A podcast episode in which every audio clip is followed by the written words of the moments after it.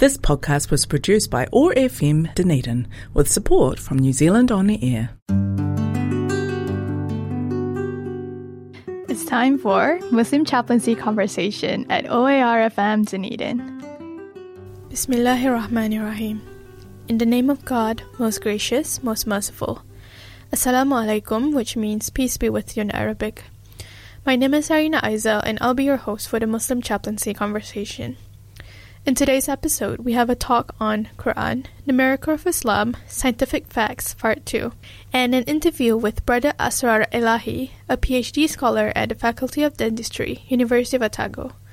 We begin though with a recitation of the Quran by Sheikh Mishari Al-Afasy, chapter 91 Al-Shams. بسم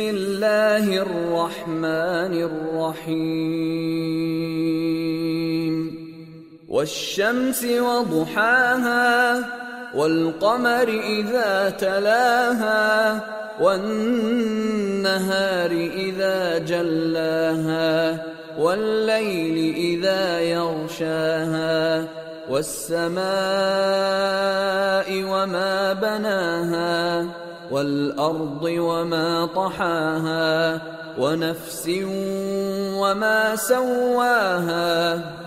فألهمها فجورها وتقواها. قد أفلح من زكاها وقد خاب من دساها. كذبت ثمود بطغواها إذ انبعث أشقاها. فقال لهم رسول الله ناقة الله وسقياها فكذبوه فعقروها فدمدم عليهم ربهم بذنبهم فسواها ولا يخاف عقباها Translation of the recited verses. In the name of God, most gracious, most merciful, by the sun in its morning brightness, and by the moon as it follows. By the day it di- displays the sun's glory, and by the night as it covers it, by the sky and how we built it, and by the earth and how he spread it, by the soul and how he formed it, and inspired it to know its own rebellion and piety. The one who purifies his soul succeeds, and the one who corrupts it fails. In their arrogant cruelty, the people of Thamud called their messenger a liar, when the most wicked man among them rose against him. The messenger of God said to them, Leave God's camel to drink, but they called him a liar and hamstrung her. Their Lord destroyed them for their crime and leveled them, not fearing the outcome. In this section of the program, Dr. Najib Lafraie continues his talk on Quran, the Miracle of Islam, Scientific Facts. Bismillah ar-Rahman ar-Rahim. In the last episode, I shared my reflections on some amazing scientific facts in the Noble Quran and suggested to present some more such facts from the book, the Quran, the Unchallengeable Miracle, in this episode. The book has two parts. The first part is on scientific miracles of the Quran, and the second on its mathematical miracles. Today's talk is based on the first part, part of the book. Out of more than 50 entries in that part, I'll present and discuss about half a dozen or so. Before doing that, I want to share another personal reflection. As we will see in the examples from the book, science has helped us to better understand and appreciate the Noble Quran. A few weeks ago, we all saw the photos that James Webb Space Telescope had sent. Their dazzling beauty and elegance put everyone, everyone in awe. We were told that it showed there were billions of stars in a spot the size of a grain of sand held at arm's length. All these reminded me to appreciate more the following passage from the Quran. Quote, Exalted is he who holds all control in his hands, who created the seven heavens, one above the other. You will not see any disparity in what the Lord of mercy creates. Look again. Can you see any cracks? Look again. Your sight will turn back to you weak and defeated. Chapter 67, verses 1 to 4. In my previous talk, I mentioned the verse of the Quran which says, quote, Are the disbelievers not aware that the heavens and the earth used to be joined together and that we ripped them apart? That was chapter 21, verse 30. This is taken to refer to the origins of the universe and to what the scientists call the Big Bang. According to the authors of the above mentioned book, quote, we know that our world, the sun and the stars were not formed immediately after the primeval explosion, for the universe was in ga- a gaseous state before the formation of the stars. This gaseous state was initially made of hydrogen and helium. Condensation and compression shaped the planets, the Earth, the Sun, and the stars that were but products of the gaseous state. The discovery of this, these phenomena has been rendered possible thanks to successive findings as a result of observations and theoretical developments. End of quote. This scientific fact is noted in and explains the following Quranic verse. Quote, Then he, God, turned to the sky, which was smoke in a gas state. He said to it and the earth, Come into being, willingly or not. And they said, We come willingly. Chapter 41, verse 11. In several places, the Quran mentions seven heavens or skies and seven earths. For example, quote, It is God who created the seven heavens and of the earth the same number. He, his command descends between them. So you should realize that he has power over all things and that his knowledge encompasses everything. Chapter 65, verse 12. We still do not know what the seven heavens refer to. It could be different layers of the atmosphere, but it can have some other meaning that may become clear in the future. As for the earth, the author's note, quote, it is made of many different and distinct layers. The deeper layers are composed of heavier metals. They are hotter, denser, and under much greater pressure than the outer limits. End of quote. They list the seven layers as follows, and it's a bit different from the traditional scientific listing. One, the oceanic, oceanic crust. Two, the continental crust. Three, the upper mantle beneath the continental crust. Four, the asthenosphere exhibiting plastic properties. Five, the lower mantle beneath the asthenosphere. Six, the outer core underneath above its liquid content with dynamo effect generated by the rotating the earth forms the protective magnetic field around it. And seven, finally, the last layer, the inner core. In another passage we read, quote, by the sun and its brightness and the moon that follows it. Chapter 91, verse 1 and 2. The author's note, the Arabic word tala means a follower, a hangover. The moon revolves around the sun together with the earth, of which it is a satellite. They follow in the footsteps of the sun. Both the moon and our world are dependent on the sun's motion. They displace while pursuing the sun. The moon and the earth revolve around a moving sun. The Quran's revelation about the moon's dependence on the sun is another miracle that leaves us in awe. End of quote. It is interesting to note that Muhammad Asad translates the second verse of chapter 91 as, quote, and the moon as it reflects the sun. In his commentary on the above, he adds, quote, literally, as it follows, Talaha, i.e., the sun.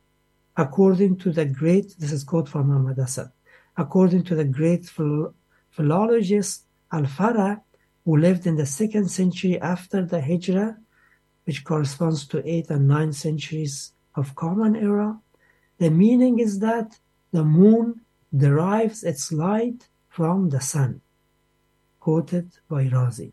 This is also Raghib's interpretation of the above phrase. End of quote. Thus, two important characteristics of the sun and the moon are noted in a very short sentence in the Quran. The author's understanding of uh, verses of 1 and 2 of chapter 91 above is about uh, based on the original meaning of a word in the Quran in the light of new scientific discoveries. They do the same in several other instances as well. Commentators and translators have had difficulty in understanding verse 75 of chapter 56. For example, Muhammad Asad translated as, quote, Nay, I call to witness the coming down in parts of this Quran, end of quote. And notes in his commentary, quote, or the setting or orbiting of the stars. The ter- term mawqi, of which mawaqi is the plural, denotes the time or place or manner at which something comes down or falls. Although many of the commentators think that the phrase mawaqi and nujum relate to the breakup of the stars in the last hour, some prominent classical commentators were definitely of the opinion, is strongly supported by the subsequent verses, that this phrase refers to the step-by-step revelation or coming down in part, and that's also nujum of the Quran. End of quote. Based on the literal meaning of the word, as explained by Asad, our authors translate that verse and the one following it as, quote, so I swear by the place where the stars fall, Mawaqi Nujum, where the star, stars fall. And that is indeed a mighty oath, if you but knew. End of quote. They understand the place where stars fall to be referring to the black hole and explain, quote, the place where the stars fall is stressed by an oath coupled with the epithet mighty. As we know, the black hole comes about in the wake of the earth, of the death of massive stars whose magnitudes are greater than three times the size of our sun. Having depleted their fuel, these cosmic bodies die, collapsing inward upon themselves. The giant stars that contract possess a great gravitational force. This force is so immense that even light cannot escape it. Later on, a great many planets and stars are attracted by this gravitational force. Thus, black holes constitute the place where the stars fall. End of quote. To me, the author's translation understanding and understanding make more sense than the one by Muhammad Asad or the one by Muhammad Abdul Halim, whose translation I regularly use. And he translates, quote, I swear by positions of the stars, a mighty oath if you only knew. End of quote. And it's not clear what positions of the stars refer to and why the use of the word mighty here. Another example of new understandings of the verses of the Quran in the light of scientific discoveries is verses 1 to 3 of chapter 86, quote, by the sky and the night camel. What will explain to you what the night camel is? The piercing star. End of quote. This is Muhammad Abdul Halim's translation. And many other English translations are more or less along the same line. The word translated as the night camel is at-tariq. And as our authors note, the word tariq stems from the root taraka, meaning knocking, striking. Muhammad Asad also translates at-tariq similar to Abdul Halim's, and in his commentary he explains why. Quote, now, if we analyze the origin of this noun, we find that it is derived from the verb taraka, which primarily means he beat something or knocked at something. Hence, tarakatul bab, he knocked at the door. Tropically, the noun signifies anything or anyone that comes in the night, because a person who comes to a house by night is expected to knock at the door. End of quote. Based on the original meaning, meaning of the word, however, our authors translate the above verse as follows quote, By the heavens and the knocker. How will you comprehend what the knocker is? It is a piercing star. End of quote. Their translation is based on the following scientific discovery.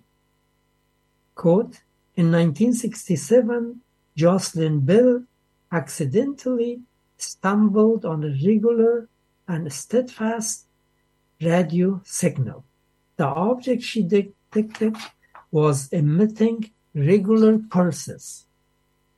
These pulses were reminiscent of heartbeat.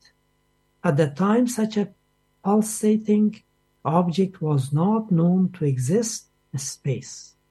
Not long after, the source of the signals in question was discovered. It was a spinning neutron star, an object whose velocity was incommensurably great, and it was called pulsar. End of quote. They know that the pulsars perfectly fit the description of the above verse. One, they are stars. Two, they produce sounds similar to heartbeat. And three, they produce piercing, intensive radiation. The authors also present a different translation of verses 11 and 12 of chapter 86, which Muhammad Abdul Halim translates as, quote, by the sky and its recurring rain, by the earth that cracks open. End of quote. The word translated as recurring rain is a raja, and the one as cracks open as a fat'a. Other translations of the first word include ever evolving, incurring, recurring cycles, and returning rain. And those of the second word include bursting forth with plants, opens out for gushing springs, and sprouting plants. Our authors translate the verse the verses as by the sky that returns by the fractured earth. They explain the translation of the second verse as follows quote, In the above verse, there are also factual implications that the public during the Prophet's time did not know, as false had not yet been discovered. The verse was believed to refer to the opening of the earth for the sprouting of vegetation. In the post Second World War years, scientists intensified submarine research activities with a view to having access to precious metals and minerals. During this research work, they came across something quite unexpected. The bottom of the seas were covered with fissures that came to be called faults or cracks. End of quote.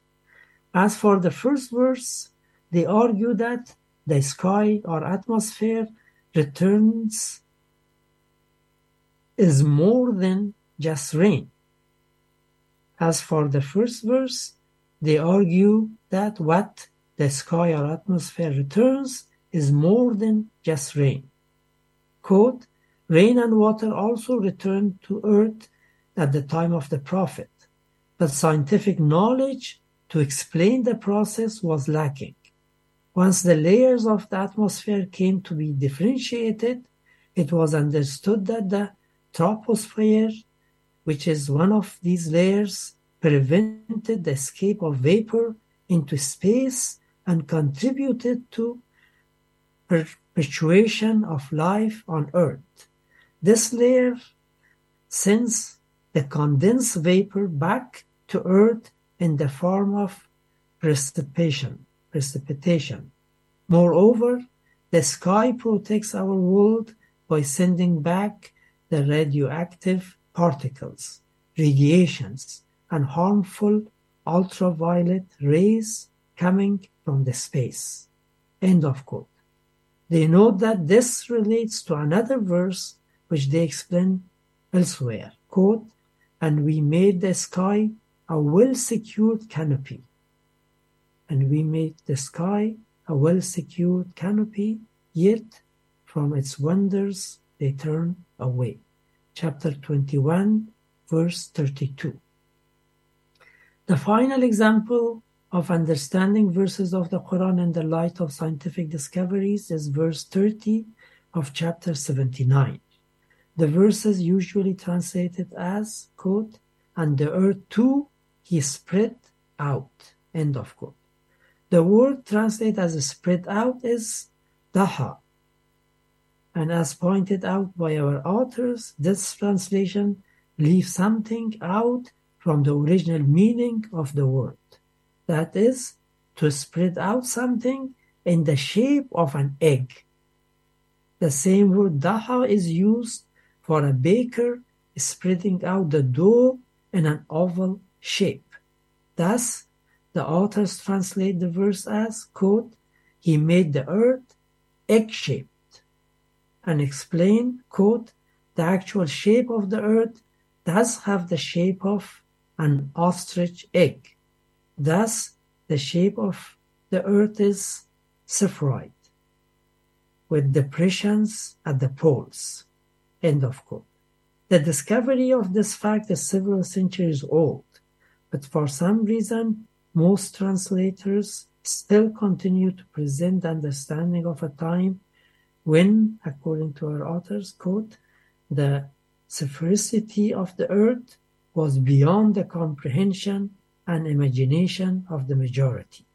Therefore, the Quran's statement to this effect had failed to be grasped. End of quote. In, in brief, the Noble Quran is a guiding book for humankind to the end of the time. Its guidance is clear, but there are also ambiguous statements, some meaning of which some meanings of which become clearer by advancement of science. Thus, scientific discoveries not only help us better understand the Quran, but also demonstrate its miraculousness. Thank you. We will now start our interview with Brother Asrar.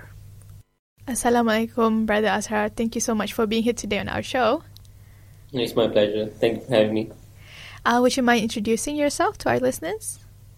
Um, so my name is Asrar Elahi. I'm originally from Pakistan, Sialkot city, um, and I was born in Saudi Arabia, uh, where I did my primary and middle education, and then I came back to Pakistan uh, to Cadet College Hassan Abdal for doing my 8th till high school, uh, and then I did my BDS dental surgery, bachelor's in dental surgery uh, from Army Medical College in Rawalpindi, Pakistan. And after four years of degree and one year internship, I went to uh, I did I did a job one year. Then I went to Malaysia for three years doing a master's, uh, master of dentistry by research in USM Kota Bharu. And from there, I came back and uh, got appointed as assistant professor in LMDC uh, College in Lahore. Uh, and then after one year, I again left for PhD, and that's how I came to New Zealand in 2018 to continue my PhD in dentistry. Uh, and then what I'm working on is making, developing uh, bovine bone grafts uh, for oral grafting. And I'm now in my last six months of PhD, uh, mostly busy in writing and finishing off the PhD work. it has been an amazing journey, and especially my stay in Malaysia and now in New Zealand has been very enlightening as well. Mm. It seems like you've had a lot of experiences, uh, especially in different countries. Um, yeah. Let's talk about growing up in Pakistan. Uh, can you mm. share us um, where in Pakistan you grew up in? So I grew up in uh, Saudi Arabia. That's where I was born. So in Saudi Arabia, I was I think we were in Dammam when I was little, and then we moved to Al Khubar. It's in the eastern border of Saudi Arabia. I think people, some those who have been Saudi Arabia, they know Dammam and Al Khubar a lot. Um, and it was nice having a corniche next to us, having all the uh, malls and supermarkets there. So it was nice. Uh, usually it used to be hot, so we were mostly indoors uh, in air conditioner all the time. I was not very uh, playful. I didn't used to play in the grounds much because of heat as well. Uh, but that meant I was maybe involved more in video games and stuff like that. But then when I was in seventh grade, that's when I gave the test and went to Hassan Abdal at eighth grade. So yeah, there was a Pakistani embassy school there. So all uh, we always spoke Urdu there. All the shops had Pakistani or Indian people there. So we never had that opportunity to learn Arabic or have Arabic friends. So that was one of the I would say uh, the uh, uh the opportunity that I missed there actually. Mm. Do you have any siblings? Yeah, we have. I'm. I have four uh, siblings. Uh, and um, all of them are married now. Uh, two elder sisters, one younger sister, and one youngest brother. Uh, and my actually my only eldest sister and my younger sister is in Pakistan. Otherwise, my second sister is in Australia. She's a medical professional there in Sydney, and uh, my youngest brother is in France, and he is working there. Wow, they're everywhere. yeah, yeah, all around the world. Yeah. Um, did you go to any religious schools when you were growing up?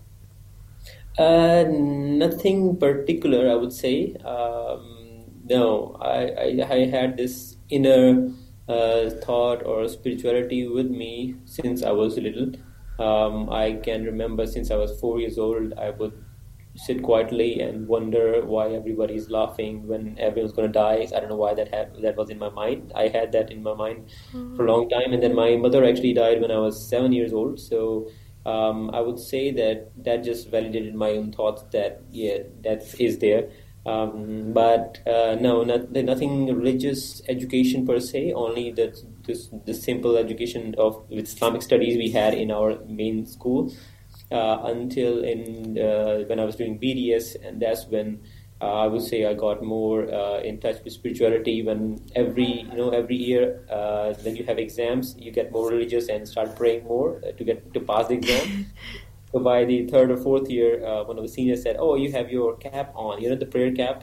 and uh, it must be the exam time. I said, no, no, this is, you know, it's, uh, it's going to be permanent. So, yeah, he said, yeah. And that's when I realized that, yeah, you shouldn't be hypocrite and, you know, keep on going up and down with the religious uh, commitments.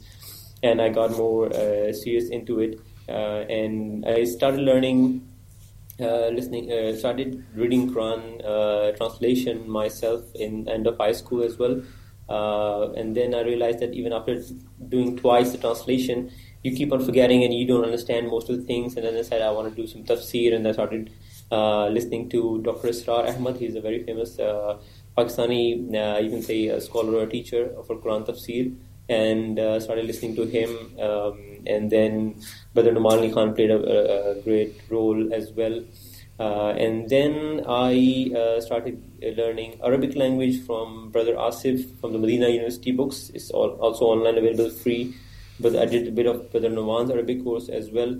And then last year when I was stuck in COVID in Pakistan, I got a nice opportunity, something that I really wished for was to uh, in, get enrolled in an online Dars Nizami. And Dars Nizami is actually a scholarly program that uh, in eight years makes you a scholar in Pakistan, but it was an online course for four years.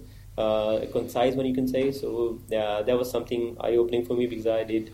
They had all the tafsir and the hadith and fiqh, which was very impressive. Uh, the way they deduce all the rules and how they do it, the rules for it. Uh, I got involved with that, and I reached up to the second semester and then I came back here and I had to pause it because I felt like the quality that I was giving, the time I was giving to it, was not sufficient enough to make me a good scholar. So I, I paused it till I finished my PhD, and then I continued that.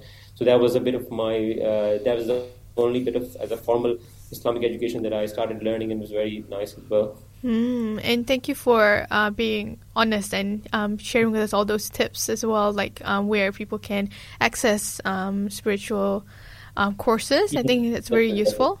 Mm. Yeah, that's that's really important. Especially, uh, I see many people uh, wanting to learn Arabic, uh, but they don't know where to do it. Mm. So I always say that I have this 75 GB data in my hard disk. You can just get from me, or you can just uh, download online. Uh, you, there's a website called kalamullah.com that's very nicely organized. They have all the text stuff, and they have segments of like what do you want to find for males, for females, for family, for spirituality, for hadith, for Quran, for Arabic. So they have all those segments and all the books and articles and everything is just there. Yeah, that's very useful. Thanks for sharing that. Um, so, do you have any good childhood memories that you remember back in Pakistan? Um, so when we used to come back to Pakistan, we used to meet our um, uh, all the uncles and aunties there. Mm. So I would say this just going around places, especially if this if it's Eid early morning, then t- going on a bike to every aunt house just to get the Eidi, the money token from them, was a nice memory uh, that we had. Um, I went for some, uh, you can say, uh, tuition before going to high school as well, just to get ahead of the course. And yeah, so I would say that's that's some that like kite flying is something unique that I was found in Pakistan. That was amazing as well. So I think yes, a lot of memories are there. It's hard to pick which one to choose. Yeah. Oh, that's a good one. Thanks for sharing. Um, so let's talk about your higher education because um, you furthered your studies in Pakistan before you came before you went to Malaysia. Yep. Um, can you share with us about that? Um, you mean like the dental surgery, the BDS yep. that I did? Yeah, that was I got. Um, a, there's a nice twist in that story as well because when I was in my high school, finished my high school, and uh, we applied for um, admission in the dental school. Um, so I was in the first merit list. I didn't. I didn't come in the first merit list, not even second merit list, and then the merit list stopped. And uh, all my friends got in, enrolled into the dental school, and I was left behind. And, and I then visited them once, and uh, I also I was like I had no admission, and I, it, it would appear that I would be stuck one year without any admission. Uh, and then I met them, and they said that, uh, brother, I really, I really prayed for you. Uh, it was one of my nice, good friends, and I asked him to pray for me. He was half his. He said, brother, I really prayed for you. I'm sorry, nothing happened. I said, don't, no, don't worry. Uh, uh, I, I, I, the prayers, uh, I, I, received the prayers, um, and they haven't gone wasted. And the reason I said that was that because just before that, like one day before, I, I heard this hadith where when you have uh, when you appear on the day of judgment and suddenly a heap of you know good deeds appear before you and the man says oh god i didn't do this these deeds. And allah would say that uh, it was the prayers that were not answered in, on, in the dunya these are those prayers and we would uh, wish that all my prayers were never answered. And and i, I told them that um, the prayers that you did they have reached me in the akhirah. So i, I told them in perspective of akhirah. But that was just a very uh, I, I, had no doubt that it didn't reach me, right? And the next morning when I woke up uh, at 8 a.m., my brother called me and said, "Brother, there's, a, there's an envelope, uh, and it says that you uh, there, there was another opening of 11 students, and they have chosen you to be among that." And I got admission to it, even though the admission stopped after two and a half months of you know classes going on. So out of nowhere, mm. letter appeared, and and I got admission to it. So I just it was an amazing uh, thing that whenever you just just blindly trusted uh, trust in God. He just he just uh, he just gives you something. I mean, he he never leaves you alone. Mm. So that was one of the uh, experiences there. So yeah, so I entered into uh, dental school, and uh, I wanted to be a medical doctor actually. But uh, the first year there, I realized that how dentistry was in a way more um, both socially and financially more uh, beneficial for the for the for, as a career perspective. Uh, you spend less time studying because it's a four-year dental degree there, uh, and you work from eight to two usually, or have your own clinic. Uh, and uh, so there's a lot of, and you, you get paid more with with all the dental, dental procedures. So yeah, so I finally started to like uh, dentistry, uh, and it was being in an army medical college. The army institution had its own perks. Having an army card in Pakistan was like privilege. You go anywhere, you show army card, and you like, oh, you're, you're an army doctor kind of thing. So yeah, I think that it was a very nice experience uh, studying uh, dentistry in army medical college. Mm. And at one point, did you go to Malaysia after that those studies? So when I uh, finished my dentistry and I started looking for post graduation, uh, I tried my best to get in Pakistan first because my family was there, my parents were there, and we tried uh, twice um, uh, in two different institutions. But I got interviewed to like I was at second position and third position, but somehow due to uh, some inner politics, they uh, kind of didn't select me and selected the person under the one after me in the list. And that's where my father was really upset and he said that uh, just just don't study here go out. Go study abroad and get get better education from there uh, so that's when I started applying elsewhere. I had the two options that I had, which were financially easy for me as well, was Hong Kong and Malaysia. And the only reply I got was from Malaysia, and that's where I went. And it was a good decision. I went there, and I, I got my scholarship there as well uh, even but that that's a, that's a whole different journey uh, there as well. Mm. And you also worked in Malaysia. Was that during the time, or did you uh, go so back you, to? So technically, in Malaysia, uh, you're not supposed you're not allowed to work um, in as a, in a student visa. So what I the work I got was because of my scholarship. So my scholarship bound me to teach two days a week uh, in the sim clinic, in, in the clinics, the periodontal clinics, periodontic clinics, and that's where I was giving giving clinical supervision to the students. That was the kind of work that I was doing there. Yeah. Oh, and were you also working in Pakistan? No, I resigned. I, I was a demonstrator there, so I resigned and I went to Malaysia. Uh, but the funny thing was, when I came back, uh, I came back as an assistant professor. So I left as a demonstrator, and I came back as an assistant professor. Mm. But I felt like they, I, I didn't grow mentally into that role. I had to you know develop myself later on. So yeah, that was, that was the whole evolution there. Mm, that's really um, interesting. So after working, like studying and working in Malaysia, where did you go next? Uh, so I came back to Pakistan in uh, Lahore. So when I was there in Malaysia, I called uh, one of the principal in Pakistan and I asked him if uh, I wanted a position. Uh, I, have done my MSc in periodontics, and he welcomed me. Said, "Just come and have an interview." So I went there and went to LMDC, Lahore Medical College, and that's where I did the. I was a senior registrar first, and then after one month, I got promoted to assistant professor because they didn't have any other AP there and yeah, so I worked there for one year and uh, three months. But my whole stay there, I felt like I wanted to grow more. I have more potential right now, and I can do PhD, and I need to go and explore more. And I, the whole year, I kept on doing applications and interviews and all that. And they knew that I was going, I'm not, I was not going to stop here and settle here. I wanted, I wanted more from uh, myself actually. Mm. So, how did you um, come to Otago? How did, was that like part of your application? Yes, that's another uh, um, uh, interesting thing, and that is that my interview for Otago happened in Malaysia when I was in the in the last year of my uh, Malaysian degree. Um, I started applying for PhDs because I knew there's going to be a transition period where you finish master's and you have to apply for visas for a PhD. So I started applying in Malaysia, and the supervisor, my current supervisor, was coming to Malaysia as an external examiner, and he said that he uh, he's coming to Kuala Lumpur. is is is quite far from your city, but if you can manage to meet me face to face, it will be amazing. Otherwise, we'll do a you know an online meeting kind of thing. I, I saw that as an opportunity, and I said, "Yeah, I'll go there." And I take a flight. I took a flight and met him there. And so this was in 2016. August, I met him. I stayed there four four days, and I met him twice uh, in two days. And he said he really liked uh, me, and um, because he was a he was he's still an acting uh, army dental uh, surgeon, uh, like an army is a brigadier lieutenant colonel thing and I was from Army Dental College, so it was like a nice uh, combination there as well. And um, the interview was uh, funny as well because he said, "What do you want to do in PhD?" And I had no idea. I never expected anybody ask me that, so I never I didn't prepare that question. So I out of nothing, out of nothing, I just answered that. Um, I want to make a scaffold and modify it so we can better regenerate the bone. And I just said that, you know, vaguely. It meant nothing in my mind he said, exactly, that's what I'm doing. So he had his own graft and he was, he modified it. He was trying. So subhanAllah, it just, it just fit into what he was doing.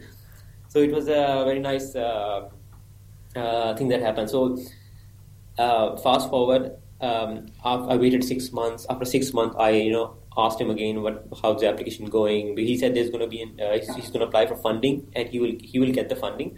He was very confident. Uh, so after like I came back still I asked him, said nothing has happened yet.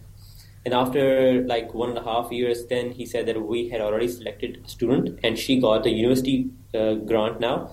So she's on university scholarship. So you, my original grant is now available for another PhD student and we want you to be part of that.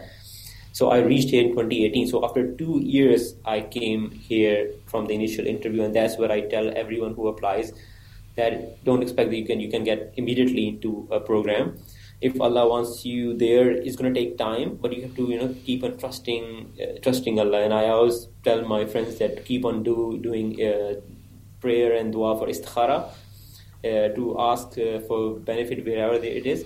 And throughout throughout this duration, every day I would try to find one prayer, and after that I would just recite the dua for istikhara. That oh God, if this is beneficial for me to be here, then let me be here. If not, then give me better than this. So that was uh, that was also a nice uh, two years of uh, just getting here actually. That's a very inspiring story. Um, I really like how patient you were for the two years of waiting for the um, the announcement that you know when you can come to New Zealand for a PhD. What were you doing um, during that two years? So I was, uh, as, I, as I said, I was in as an assistant. So after finishing my master's degree, I came back to Pakistan and became the assistant professor. So I was actually mm. The acting head of the department there as well. I was I learned more of uh, implant surgeries and graft surgeries and stuff like that. So I was actually the assistant professor in periodontics clinic in dentistry uh, mm. in dental school. So your PhD at Otago, what was the research about? You mentioned it a bit, but can you tell us um, in a language that we could understand?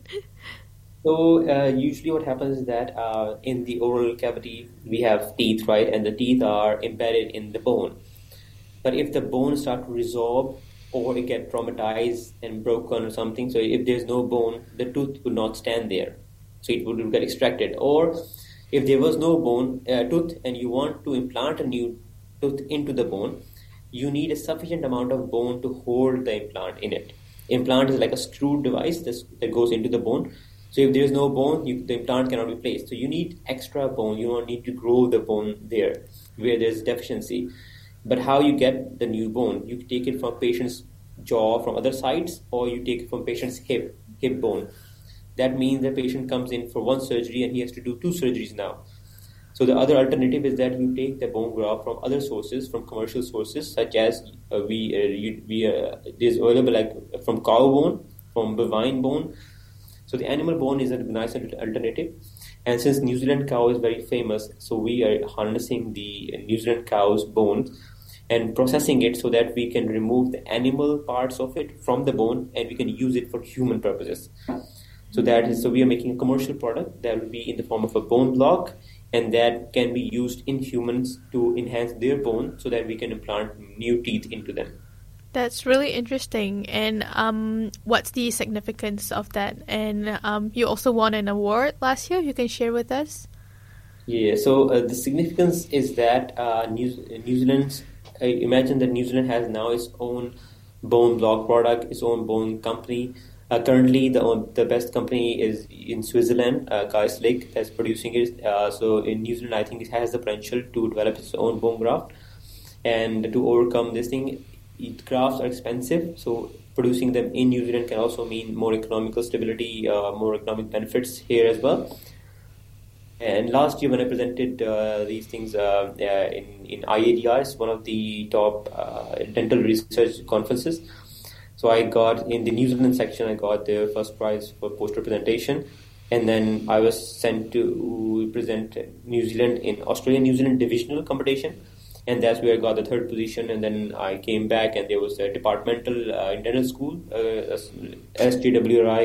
Research Day, where I presented and I got second prize there as well. So it was, uh, alhamdulillah, very very successful year for me last year to get uh, three prizes in one year, all in two three months time and all of this was happening while I was also was doing some all the experiments and or even rat surgeries. I did 30 rat surgeries and then I assisted my supervisor in doing four sheep surgeries in the same year in two months time just. So it was like a very uh, learn learning and experience packed uh, time for me last year. It was very uh, exciting. Mm, seems like um, a lot happened to you at that time. Um, yeah. Um, congratulations as well for Thank all the awards. Um, so let's talk about the challenges that you faced while you were adjusting to New Zealand culture. Um, so you came, you moved to New Zealand with your family. Not no no. Initially, I came here uh, alone, and the plan was that I would come here and then I would apply their visa. Meanwhile, I get the house ready and everything, you know, set up for them which was not the best plan, I think, because when I applied their visa, it got rejected. So I had to spend the whole year and three months without them. So that was that was more challenging. Uh, now I realize that it had both benefits. I, I started doing more of my research work, giving more time to research, and my family was just trying to you know cope up. Uh, it was more hard for them alone there actually.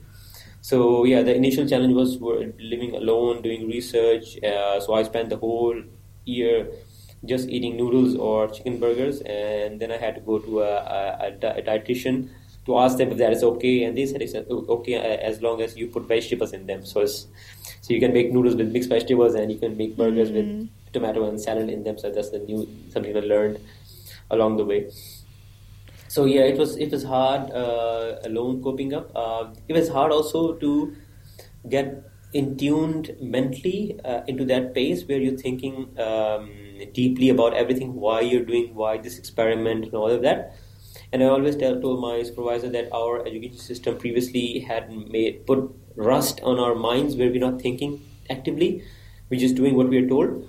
And that's something I had to work with. Uh, and by seven months, uh, I had a meeting with them where they said that uh, you you're not being careful about this, this, this, and all of these things. And that's where I started to work more on myself, and I even read some really interesting books uh, that uh, made me more productive, uh, manage my time and habits.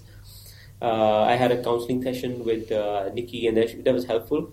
And I said I want something even more stronger, more practical. And then she sent me to one of the um, in the in the uh, student health, there is uh, there was Grant, uh, a person named Grant, and he was more from mental health as well, and he actually helped with uh, how how to manage stuff more uh, properly. And uh, books like you know Atomic Habits, where you can break bad habits and make new habits, kind of things. Mm. There's a book called Morning Miracle that really helped me, and I, it's a very small book, and I really recommend you taking the, the it was the most practical with even charts in it uh, to for your daily life to change you know your routines and everything so there was they were like yeah i, I think it was a nice uh, learning experience for me from that perspective as well Hmm. The Atomic Habits is a really good book. I actually enjoyed that one too. Um, I love professional development and like personal. I, th- I think something I wanted to say was like your PhD journey is a professional thing, but um, the personal side of you is very important as well. And I really like that you wanted to develop that. Yes, I, I because of those books, especially the Morning Miracle, that was the start of it.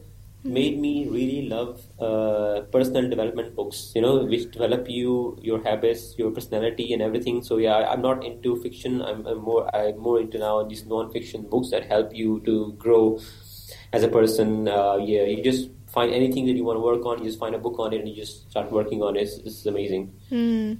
Thanks for sharing that. Um, have you experienced any racism or discrimination while you were here? Honestly, no. And it's surprising because I have a, I have a beard and I look, you know, it feels like somebody might be saying something to me, but no, my, my experience was the opposite of that because um, when I uh, when I was coming here for the first time in the Pakistan airport, they made me remove my shoes twice, uh, and I was like offended in a way that no, they're not like, asking anyone else to remove the shoes. It was a large shoe, maybe that's the reason as well. When I when I arrived in New Zealand, they didn't ask me to remove my, remove my shoes. They didn't comment on me. Where are you going? What are you doing? They didn't show. They didn't show that they were you know kind of suspicious of me in a way, and that was really and they welcomed me warmly, and I felt like wow, these guys are really nice. And when I when I arrived here, uh, and uh, uh, I was afraid that they, you know, at night going out because people might be drunk and they might be, you know, attack you or something. And have those fears.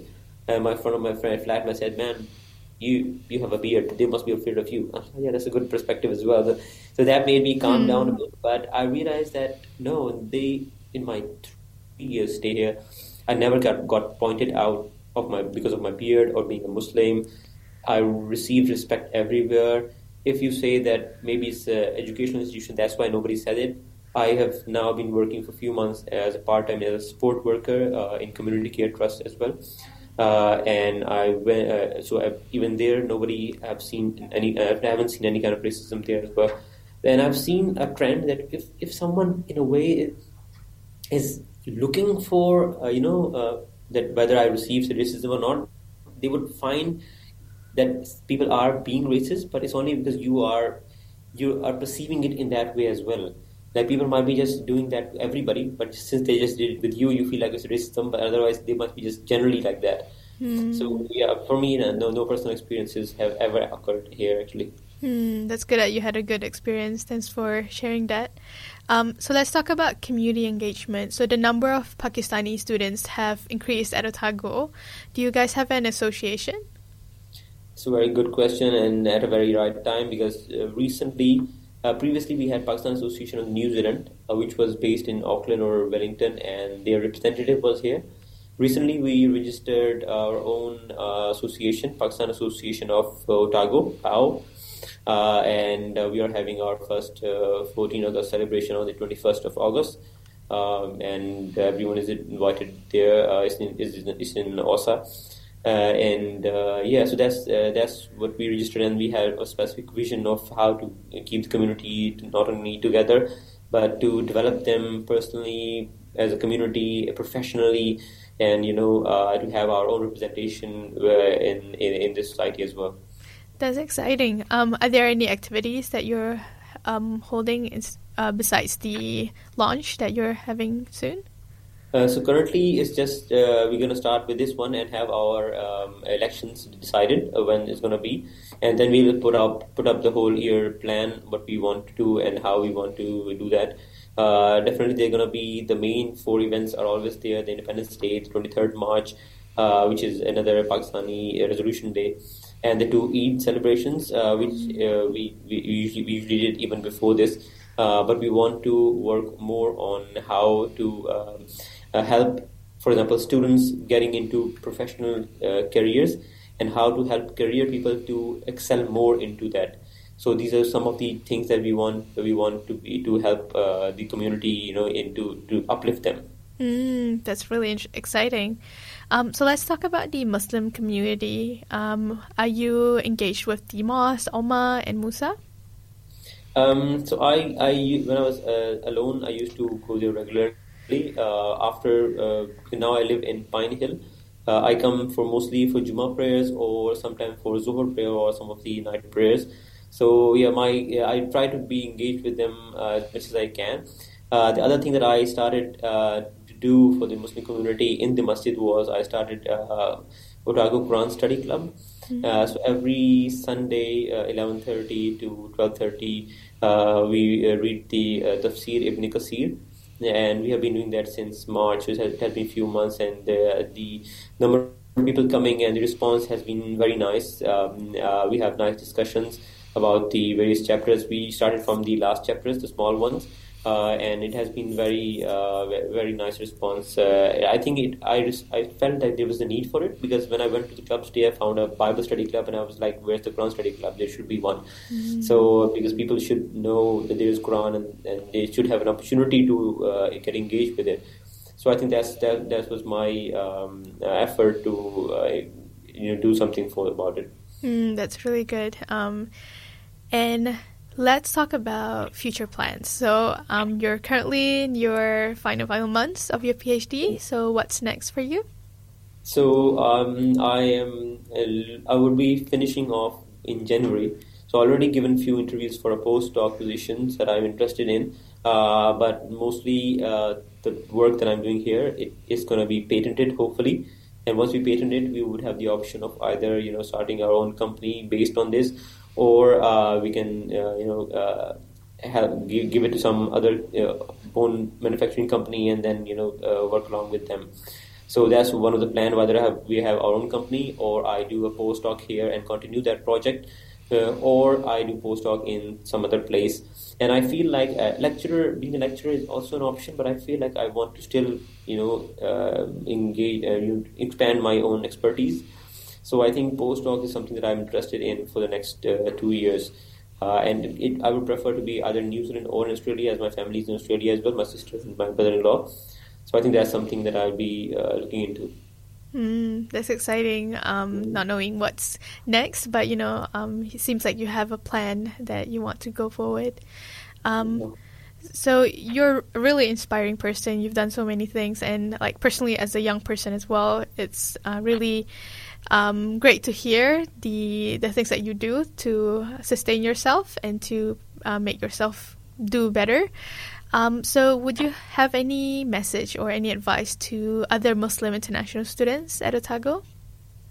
Um, yeah, once you, when you said that you do different things, that that's when I realized that um, I always believed in you know uh, um, following your passions, and you know when you have so many passions and you feel like oh I don't have time, and I, I, I once listened to a quote that uh, you don't have to sacrifice your passions, you just have to organize them. You know, you just do one passion at a time, then second, the third, you have to, you know, uh, put them in once a week or something like that. So I, I, I did I, start, I did taekwondo in, in Malaysia as well, and I got to red two belt, just one less than the black belt. I finished that as well. In in New Zealand, I did jiu-jitsu and I got to the blue belt. I did archery there as well, and um, swimming has always been there. I started learning Islamic calligraphy, um, and uh, in Malaysia, and I still continue here. I have now an online Indonesian um, teacher with me. He's he's also uh, re, you can say he has ijaza to teach as well. So yeah, I think all these things. I think I feel more alive when I'm connected with my passions as well and spirituality and Quran is also part of my passion. That's why I, I felt like I need to do that.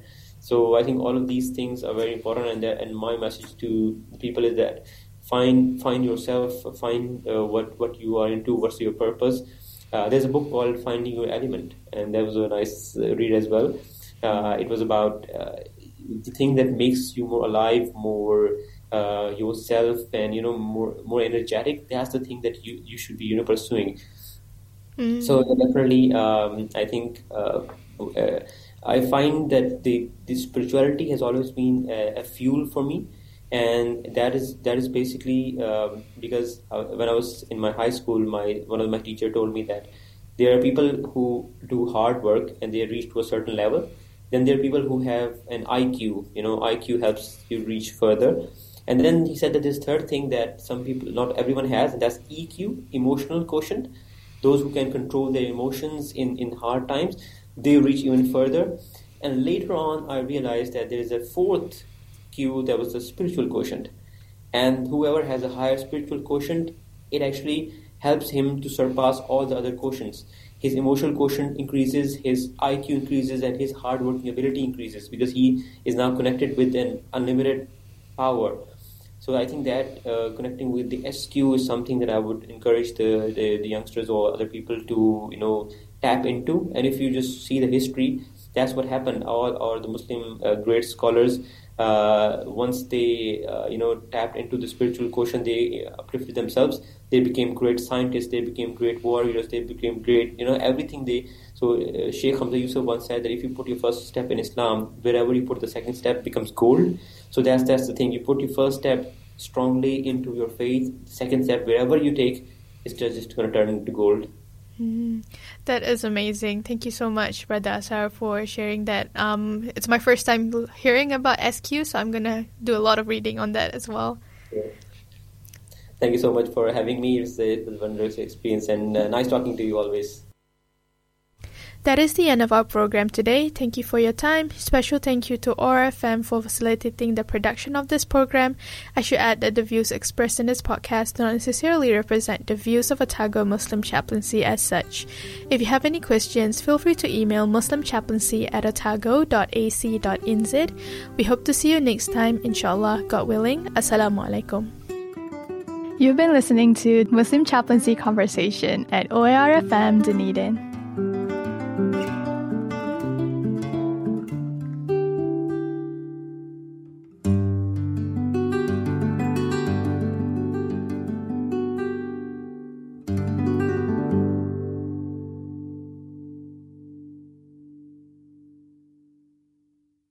This podcast was produced by OARFM Dunedin with support from New Zealand On Air.